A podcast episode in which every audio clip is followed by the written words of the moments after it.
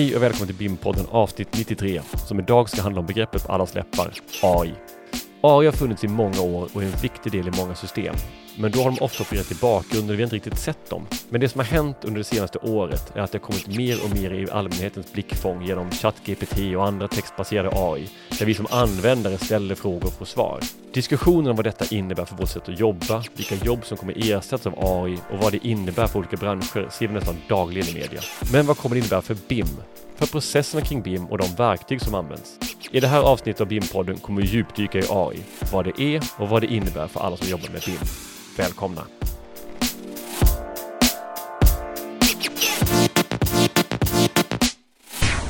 Och för att prata om det här har jag bjudit in Kristoffer Flygare som är BIM-konsult. Välkommen till BIM-podden Kristoffer. Hur är läget? Hej Andreas! Kul att ha dig här. Allt bra här. Du, Kristoffer, berätta lite om dig själv, vem du är och vad du jobbar med. Alltså jag är en BIM-konsult just nu. Jag, jag, sitter för tillfället i Tyskland och jobbar därifrån faktiskt. Eh, men ursprungligen kom jag upp från Norrbotten eh, och jobbade där först som några år som en projektör inom VVS. Eh, sen så åkte jag ner till Stockholm och så bodde jag där några år. Eh, och där jobbade jag då som eh, BIM-koordinator, eh, och med liksom BIM-frågor specifikt då i, i stora, stora projekt där då. Um, jag har även jobbat lite grann med ventilation i tunnelsystem faktiskt. Um, åt VSB då till exempel. Ja, så det är den korta, korta varianten av vad jag gör. Jag har väldigt stort eh, teknik, eh, teknikintresse. Eh, så jag har alltid försökt att liksom, ehm, ja vad ska man säga, eh, förbättra mitt eget arbete och automatisera och grejer. Så det är väl därför jag har lutat mycket mer åt liksom eh, BIM och, och den delen av industrin om man säger eh, än just den liksom energiteknikbakgrunden som jag har. Då. Men du, om vi ska prata AI idag, eh, så kan vi backa tillbaka och ställa oss frågan, vad är en AI i det här sammanhanget och vad gör den? Ja, en AI är ju liksom en, eh, vad ska man säga, en, ja, det betyder ju artificiell intelligens då, så det är ju liksom ett försök att skapa en ej-mänsklig intelligens så att säga med liksom en dator då. Och den försöker egentligen bara göra det som människor gör och, och försöka liksom tänka, om man säger. Så att man försöker instruera en dator till, att, till att tänka och det kan man göra på lite olika sätt. En AI kan ju vara eh, något så enkelt som typ OCR. Eh, om man tänker att man använder någon pdf-läsare, typ Adobe eller sådär. Så har man ju, eh, OCR kan ju liksom läsa text från ett dokument eller en bild eller sådär. Och det är ju liksom en form av AI då. Eh, men ofta nu kanske när man pratar AI så pratar man om sådana här språkmodeller. Men egentligen det de gör är ju att du ger dem en input och sen har de liksom en, en tränad, vad ska man säga, typ en matematisk formel eh, som får en input och skapar en output. Och beroende då på vad det är för någon input och output man ger den och vill ha så skapar man då olika sådana här modeller och de tränar man då. Så man börjar liksom med att, att säga okej, okay, sån, sån här typ av modell vill jag ha. Och sen ger man en massa input och sen så itererar den på de här inputsen och ger massa outputs. Och antingen så utvärderar man själv, eh, liksom att det här, eh, det här var bra eller dåligt, liksom. men den kan ju även göra det själv då, så att den kan, den förstår själv om man säger hur duktig den är och förbättrar sig själv gång, gång, gång på gång. Så det är ju som typ en, en slags evolution kan man väl kalla det, fast det går ju otroligt snabbt då. Istället för att det tar liksom eh, 30 år för en generation så tar det ju eh, inte en sekund liksom. Så att eh, det går ju väldigt snabbt det.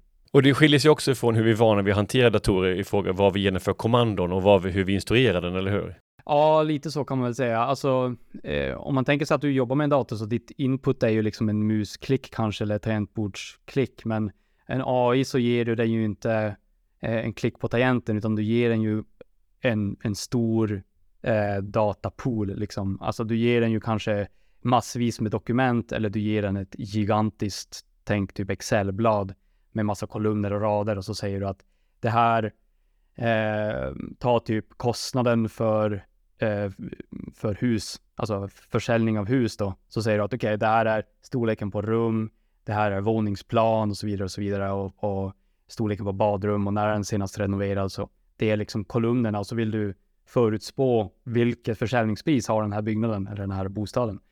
Eh, det är liksom den datan du ger den då.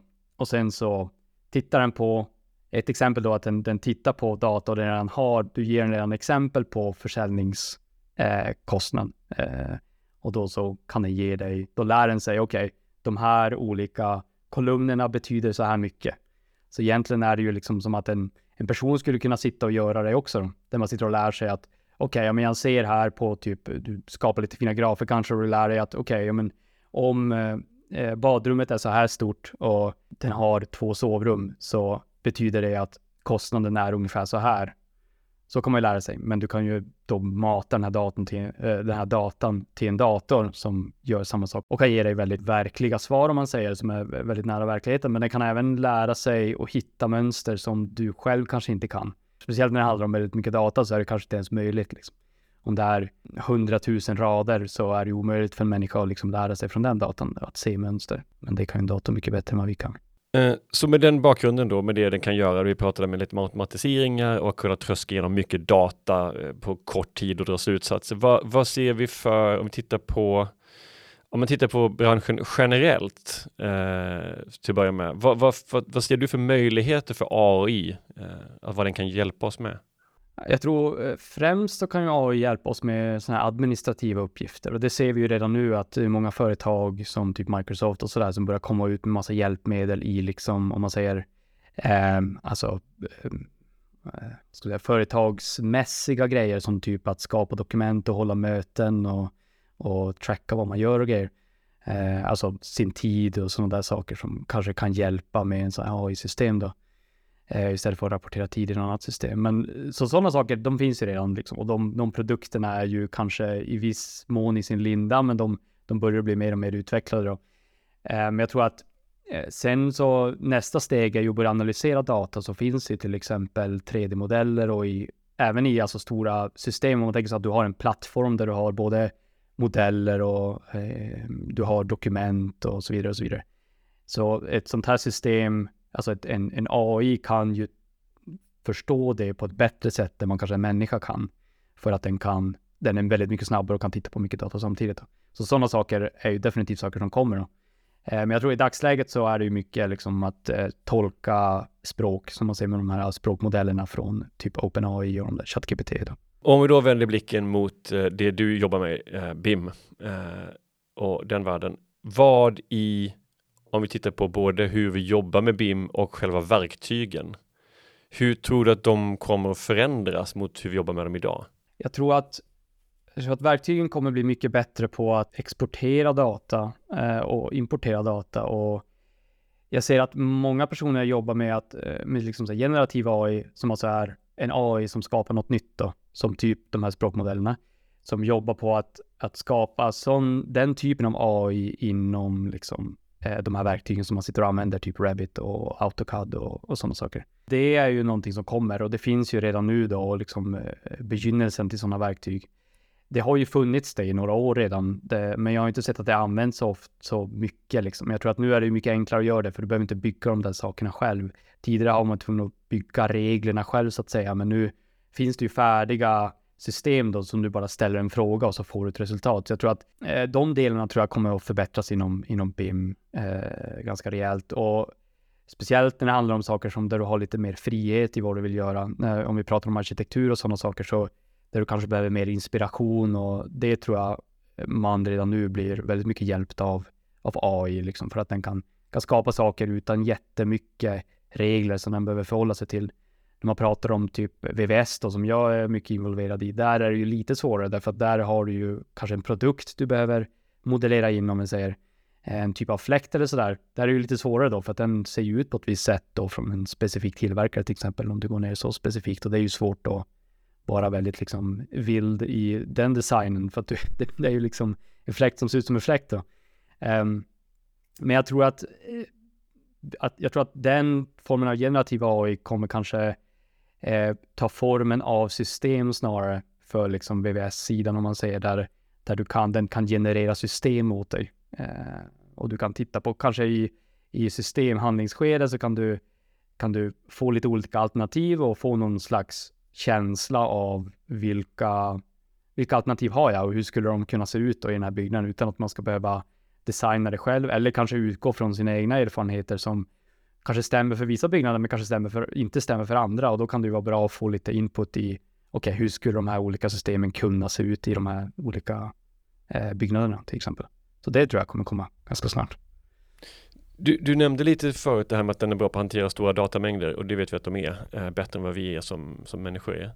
Eh, är, är, det så att, är, är, ska vi skicka ner de här AI-systemen i, i källaren och titta på det vi gjort förut och, och, berätta för oss vad vi gjorde bra, och vad vi gjorde dåligt? Ja, definitivt. Det är nog, det är nog inte faktiskt en dålig idé. Jag menar, det, det, är ju svårt, svårt för små aktörer om man säger, men de, de stora liksom, eh, företagen och så som har gjort väldigt mycket projekt historiskt, eh, de har nog väldigt mycket att vinna tror jag, av att, av att göra så, liksom att de har någon, någon slags AI som eh, tittar igenom deras eh, datapool, om man säger, och liksom deras eh, system och säger att okej, okay, ja men de här, de här sakerna, de här trenderna ser jag. Och om man kan ge dem även data på hur bra eller dåligt ett projekt gick och eh, de här delarna gick bra och de här delarna gick dåligt så kan man ge det till den AI och säga åt den bara och titta på alla de här projekten och hitta liksom en, en, en faktor som är viktig för de projekten som går bra eller dåligt. Och då kan man se kanske att okej, okay, ja men när vi har använt de här systemen går det jättebra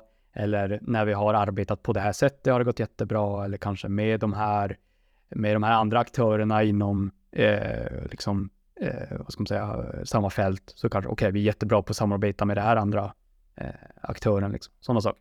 Det tror jag eh, man kan lära sig ganska mycket om. Så, så, så använder det som en, en, en utvärderingshjälp så att säga, titta på det här gjorde vi bra, det gjorde vi dåligt, det här funkar, det här funkar inte eh, och kunna få, få beslutsunderlag helt enkelt för nästa, nästa gång man ska göra någonting. Och det, det går ju att göra om man tittar på lite ovan liksom på ett helt projekt eller på ett helt företag liksom. Går, går det ju att analysera det, men du kan ju gå ner ända ner på liksom en, en typ en modell då eh, och, andra, och liksom granska det också. Eh, att du kan titta på och se att okej, okay, här saknar vi kanske data eller de här delarna är inte klara än och så vidare. Sådana saker som är lite mer kraftfulla än, än kanske de granskningsfunktioner eh, man behöver göra annars. Men vad ser du för möjlighet att öppna upp sig då om, om man gör det? Ja, men jag tror du kan ju ställa frågor. Det jag experimenterar lite grann själv med att liksom ställa frågor till en sån här språkmodell. Eh, såklart, du måste ju ge den, den måste ha tillgång till modellen liksom. Så antingen skickar du upp datan till dem eller så, så skapar du en AI som är liksom som, som existerar bara på din dator. Och det finns ju fördelar och nackdelar med båda sakerna där. Men så det jag har testat med är att skicka, liksom, att skicka delar av data från en testmodell då i det här fallet. Eh, och så ställer du en fråga bara. Eh, typ hur många fönster har jag här? Eh, vilket, eh, vilket rum har, har flest fönster? Alltså sådana enkla frågor. Men du kan ju ställa mer avancerade grejer då. Eh, men det kan man få svar på. Och den kan ju, den tittar på hela din data. Du behöver inte skapa liksom du vet, en massa grafer och, och massa Excel-formler som hittar det åt dig, utan eh, det kan du få bara i text då, eh, rent utav. Och jag tror sådana saker kommer man nog ganska snart liksom börja kunna använda. Eh, och jag vet att det finns, i dagsläget så de här stora språkmodellerna, de, de existerar ju på en server någonstans i liksom eh, USA då antar jag, när det gäller typ OpenAI och så. Och det är klart, då skickar du datan dit då. Men eh, det finns modeller som i dagsläget fungerar att köra på en dator. Eh, som i dagsläget då är mycket, mycket mindre kraftfulla än de som existerar på någon stor serverhall någonstans. Men vi kommer ju komma till ett läge där du på din dator har, kan ha din egen lilla modell liksom, som sitter och kör och använder din CPU och GPU på datorn för att hantera det du säger. Eh, eller frågar. Så att eh, dit kommer vi komma och då kommer man ju kunna göra väldigt mycket trevligt utan att behöva eh, skicka runt datorn överallt. Och det för mig lite tankar på, för det pratade du om inför det här programmet, du nämnde automatiseringar som är en stor sak att kunna göra eh, i framtiden. Eh, och vad är det du ser att man kan automatisera? Jag jobbar mycket med eh, så scriptingspråk och programmeringsspråk, i liksom, speciellt då när hur det är relaterat till Revit. Och det jag brukar säga är att det som man är irriterad på det är jättebra att automatisera bort. Det man inte vill göra, för att det finns ju liksom en vilja då såklart att automatisera bort det liksom. Eh, så det är ju det absolut enklaste, eller det kanske lägst hängande frukten. Och det kan ju liksom AI hjälpa med, därför att AI kan ju tolka data åt dig till exempel, eller eh, så, och hitta data i, till exempel om det, är, om det är data du vill ha ut från en modell så kan en AI lättare hitta det åt dig än att du ska behöva liksom skapa någon, något skript för dig. Och jag tror om man tittar på nä nästa steg så är det ju liksom eh, något som jag gör, jag använder ju AI väldigt mycket när jag jobbar därför att den kan ge en ganska mycket insikter om hur programmering och så fungerar. Eh, och det är ju, det är ju ett sätt också att använda det, att du kan få inspiration från den hur, hur du ska utforma ditt till exempel skript. Och jag tycker att det gör det väldigt mycket mer eh, lättare att starta liksom. Eh, insteget är jättemycket lägre idag än vad det var för ett år sedan. Därför att i dagsläget så eh, kan du liksom öppna upp en av de här språkmodellerna och så kan du ställa en fråga. Hur gör jag för att eh, jag vill ha ut ett resultat som är exakt så här. Hur gör jag? Och så kan du få lite förslag och så kan du bara ställa följdfrågor och så i slutändan så har du en väldigt bra idé om hur du ska göra. Och jag tror att det är en väldigt styrka i dagsläget att du kan, det är lättare att komma igång och skapa dina egna små liksom så här skript och automatiseringar och så. Så AI kan hjälpa oss att komma igång med AI helt enkelt? Ja, typ så. mm. Alltså, det är rätt roligt för du kan ju liksom ställa, du kan ju gå in till de här språkmodellerna så kan du bara fråga vad, hur kommer AI förändra BIM-världen typ?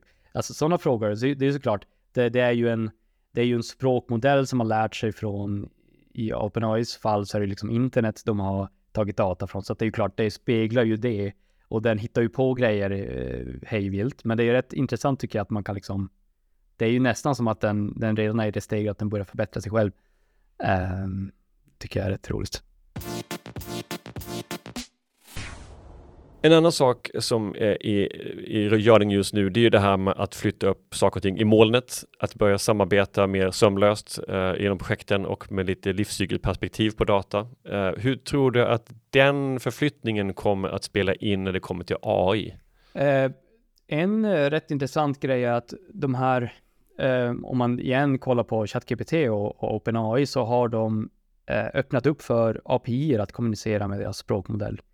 Vilket jag tycker är rätt intressant. Och när man har sin data på molnet så är det ju liksom möjligt att kommunicera då eh, förmodligen då med liksom API. Um, ehm, vilket är rätt intressant därför att du kan, du kan ju då kommunicera med, um, med de här språkmodellerna till exempel direkt då. Och jag tror att det tror jag kommer spela ganska stor roll i att de som har liksom sin data på, i molnet kommer kunna göra mycket mer med sin data.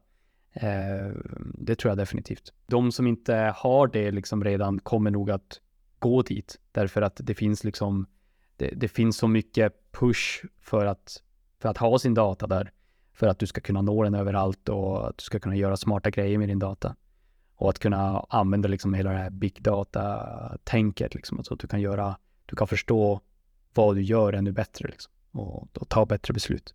Om vi tittar på byggbranschen, vad är vinsterna för att hoppa på det här nu? Jag tror vinsterna i dagsläget är nog liksom personliga. Eh, så att i, i mångt och mycket liksom att, att du som sitter och jobbar kan bli hjälpt av de här typmodellerna eh, och eh, i att få lite inspiration om hur du kan förbättra ditt eget arbete. Där, det, jag tror där är vi nu. Eh, jag tror att företag som som börjar utveckla sina egna modeller är definitivt tror jag, ett steg före. Eh, och speciellt i dagsläget när det är så mycket prat om det och det är så många som börjar utveckla sina modeller så det finns väldigt mycket hjälp. Eh, mycket mer nu än vad det fanns för några år sedan. Eh, då kanske man behövde ta in folk som hade stenkoll på hur man eh, använder liksom maskininlärning och så. Men i dagsläget så eh, finns det så mycket information att få. Det är så många som, som, som hjälper en dit liksom. Så att jag tror att eh, det är lättare nu att, att, att, komma in på den banan och jag tror att definitivt så bör man ju typ som företag ha någon slags omvärldsbevakning och någon slags idé om eh, eller några tankar om hur liksom ska vi kunna sätta upp och, och använda AI om man, om man tittar på omvärlden och säger att okej, okay, det här används på, i det här området och det här används i det här området och hur kan vi med den i den sektorn som vi som företag just är i, liksom, hur kan vi använda AI. Jag tror det är bra att vara lite på, eh, på tå där. Mm. Ska, man vara, eh, ska man börja testa eller ska man börja planera? Te testa tycker jag, det är, eh, det är det bästa. Jag tror att man kan, man kan nog lära sig en del från liksom IT-branschen där man är lite mer så snabb i iterationerna, att man liksom, du, du har en idé, du testar den snabbt och försöker få liksom någon slags produkt snabbt och bara se, fungerar det, fungerar det inte, okej, okay, ja men det fungerar inte, ja men då provar vi något annat. Jag tror det är rätt bra att göra eh, Eh, och prova bara med de här liksom grejerna som finns i dagsläget och se hur kan vi använda det? Finns det någon nytta för det? Eh, det tror jag definitivt är väldigt bra. Att man, att man hoppar på de här betatesterna som finns tror jag också är rätt bra, för man lär sig då vad, hur det ser ut i dagsläget och kanske vilken väg det barkar, liksom, så man vet hur man ska kunna positionera sig. Liksom. Men nu vet vi båda två att eh, digitaliseringen av branschen har gått, eh, går framåt men om än kanske lite långsamt jämfört med många andra branscher. Vi kan väl ana oss till att det här finns en del motstånd här också. Eh, när du jobbar med företag i det här, vad, vad är det du möter för utmaningar för att få med dem på tåget? Jag tror det svåraste är nog att förstå vad man vill göra. Eh, det är nog det svåraste och det är svårt även eh, som så här, typ en extern att komma in och säga så här ska ni göra liksom. Eller det här är, här är era mål. För att eh, jag tror många, många vet inte var deras smärtpunkter ligger. De vet inte vilka, liksom, vilka processer kan vi förbättra? Vilken slags data har vi ens? Och jag tror där kanske man ska börja och, och lära sig vilka processer är det våra medarbetare tycker är jobbiga eh, och tycker är tråkiga och vad tar längst tid? Eh, sådana saker tror jag är bra att, att börja med och, och få en uppfattning om. Um, och jag tror det är en, en, stor barriär, för jag tror många kommer liksom inte över det. De lyckas inte få, få koll på vad det är de, eh, de behöver göra. Och det är klart, man behöver, så här, om man inte upptäcker, om man inte ser ett mål, om man inte har någon vilja med det, då är det kanske onödigt att bara spendera massa tid och pengar på att bara liksom uppfinna något verktyg eller använda någonting bara för sakens skull. Bara för att säga att man så här använder AI. Det är ju, finns ju ingen poäng med det såklart. Man, det är ju någonting man måste använda det för. För det är ett verktyg, precis som alla andra verktyg. Du, du köper ju inte typ så här Civil 3D om du aldrig tänkt använda Civil 3D. Liksom. Sådana grejer. Så att det är ju väldigt... Um, eh, Eh, det, bör man kanske ha i åtanke, men jag tror att eh, många tror jag inte riktigt inser heller möjligheterna med, med teknologi i allmänhet. Eh, så jag tror att många, till exempel om man ser på så här eh, plattformar, så tror jag att många kliver in på en plattform eh, alltså, och börjar använda den. Men sen använder man den som kanske en, en eh, dokumenthanteringssystem. Liksom. Du, du bara, okej, okay, istället för att du har datan på filserver, så, så, eller dina textfiler på en filserver, så är det textfilerna på den här molntjänstens filserver. Liksom. Okej, okay, det är bra. Du kommer åt den från eh, flygplatsen eller var det nu än är. Det är ju skönt, men det finns ju ofta av de här systemen väldigt många andra funktioner som du kan använda. Och jag tror att man kanske ska generellt bara eh, se vilka system har man och hur kan man använda dem bättre än att försöka lösa ett problem med ett helt nytt system. Eh, det tror jag kanske är där man ska börja också. Så, så, så någonstans börja och titta på vilka processer och vil, vad är det vi vill förändra i sättet hur vi jobbar snarare än att se vilka verktyg som finns. Vi börjar någonstans i det här är det vi vill förändra, det här är vinsterna med och sen sit, hitta lösningar på det. Ja, precis. Men med det sagt så är det ju väldigt bra att ha en liksom, slags koll på vad andra också gör, för man kan ju bli väldigt inspirerad av det och se att okej, okay, de använder antingen det här verktyget som vi också har på det här andra sättet. Okej, okay, väldigt intressant. Det kanske vi ska titta på också. Eller om man tittar på AI så att, att man ser att okej, okay, jag ser att det finns massa testverktyg som börjar komma ut som gör den här specifika saken. Ah, intressant. Okej, okay. det kanske vi också skulle kunna göra. Kan vi det? Hmm, ah, ja, ja eller nej.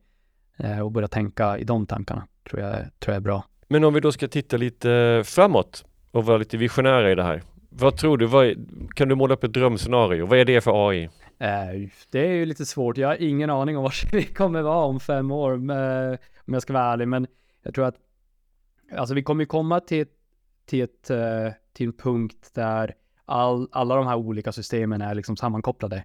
Och om man ser på de här, eh, det finns ju liksom robotar i dagsläget som kan göra saker helt autonomt. Liksom de kan kliva in i en byggnad och de förstår vart de kan gå och inte ska gå. Och du kan be dem titta på saker och de förstår vad du ska göra. Liksom. Du har ju den formen, men sen har du de här språkmodellerna som är väldigt duktiga på att förstå, tolka liksom text och så vidare. Och när alla de här sakerna kommer till, tillsammans och, och, så kommer du ju ha liksom en, du, du kan ju ha liksom en robot som kan gå runt på byggarbetsplatsen som du kan prata med och den kan, den kan hjälpa dig och du kan fråga den här armaturen som jag ska eh, installera här, är den rätt liksom? Och så kan den bara säga, nej, den är 20 centimeter för mycket åt höger typ. Sådana grejer. Alltså vi kommer garanterat komma dit vid något eh, tillfälle. Det är jag helt hundra på. Men det är ju, det är ju kanske en bit bort då. Så, så istället för en iPad med ritning så kommer det någon och hjälper dig faktiskt berätta hur du, gör, hur du ska göra? Ja, alltså som en liten assistent. Eh, om man tänker assistenter du har nu då, när man sitter och liksom eh, på, öppnar upp någon webbläsare och har en assistent eller på datorn eller som i Microsofts fall när du har liksom e-word kanske du har en, en liten assistent så kommer du garanterat ha en assistent på byggarbetsplatsen som kan hjälpa dig också. De kan ge dig lite tips och tricks och så i det du gör. Och kan även varna och sådär. För det vet jag, jag har sett eh, företag som har utvecklat ehm, eh, automatiska sådana här typ ronder som de här robotarna går och så kan de säga att okej, okay, här ligger det någonting på marken som inte ska ligga här. Varning, varning, det här är liksom en, en hälsorisk kanske. Eller system som ser om det, eh, om, om det är någon som eh, ligger på marken. Det vet jag, då hade de gjort i något, eh, det var någon vattenkraftverk i Österrike som hade gjort något sån test där de hade eh, de hade en sån här eh, robot som går runt och om den, för de har folk som jobbar där och om den ser någon liksom som har kanske fallit från en steg eller någonting så kan den liksom slå larm direkt. Eh, så att sådana grejer kommer ju garanterat komma väldigt snart tror jag. Om vi ska gå tillbaka lite till, eller titta lite på det rent praktiska då. Om jag sitter på ett företag och tycker att det här verkar superspännande. Eh, det kanske du sagt lite innan, men hur ska jag ta mig an det här? Var ska jag börja någonstans? Eh, några konkreta råd och tips? Jag tror konkret är ju att börja använda de verktyg som finns och och främst liksom gå in på de webbsidorna och se delvis kan du liksom registrera en användare och, och börja använda det? Eller kan du skriva upp det på en sån här väntelista? För det brukar vara rätt vanligt i de här systemen att de, de har någon slags väntelista för att annars är det alldeles för mycket folk som liksom ramlar in och börjar använda det. Så servrarna brinner upp liksom. Ehm, men det skulle jag säga att gå in på de här systemen, eh, titta och prova och se vad kan du få ut av det. Och sen tror jag att definitivt kan du använda det till att förstå nya arbetssätt i ditt arbete. Om du kommer in på något nytt projekt som du inte har jobbat på tidigare kanske, eller det kanske är ett nytt, eh, eh, ett nytt slags projekt som du aldrig har varit på.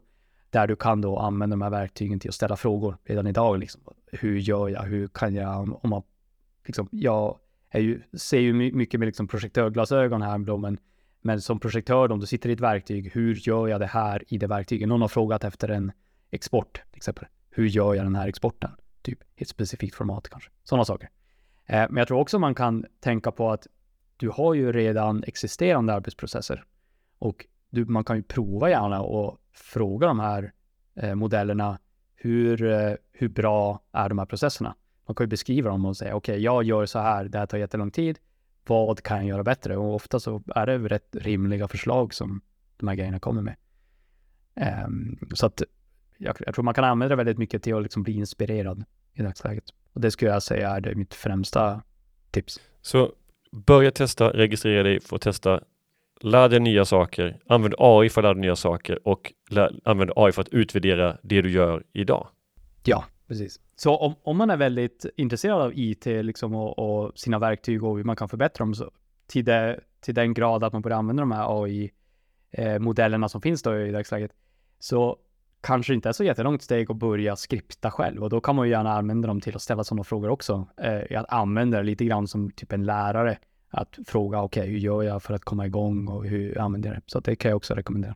Du Kristoffer, det här är ett ämne som man kan prata om, jag tror exakt hur länge som helst egentligen. Vi har nog bara skrapat lite lätt på ytan av vad AI kommer innebära för, för många branscher framöver. eh, men jag skulle säga ett jättestort tack till dig eh, och eh, för att du var med här idag i BIM-podden och man kan väl hitta dig på LinkedIn hoppas jag, om man ska connecta. Ja, absolut. Det är bara att söka Kristoffer Flygare på LinkedIn så hittar ni mig jätteenkelt där. Du, du har ju uppmanat alla att göra det och ta kontakt med dig när det gäller AI-frågor. Eh, och tackar så jättemycket för att du ställer upp i BIM-podden. Tack! Och med det säger vi tack för den här gången. Följ gärna BIM-podden på LinkedIn så ser ni när nästa avsnitt kommer. Tack för att ni har lyssnat.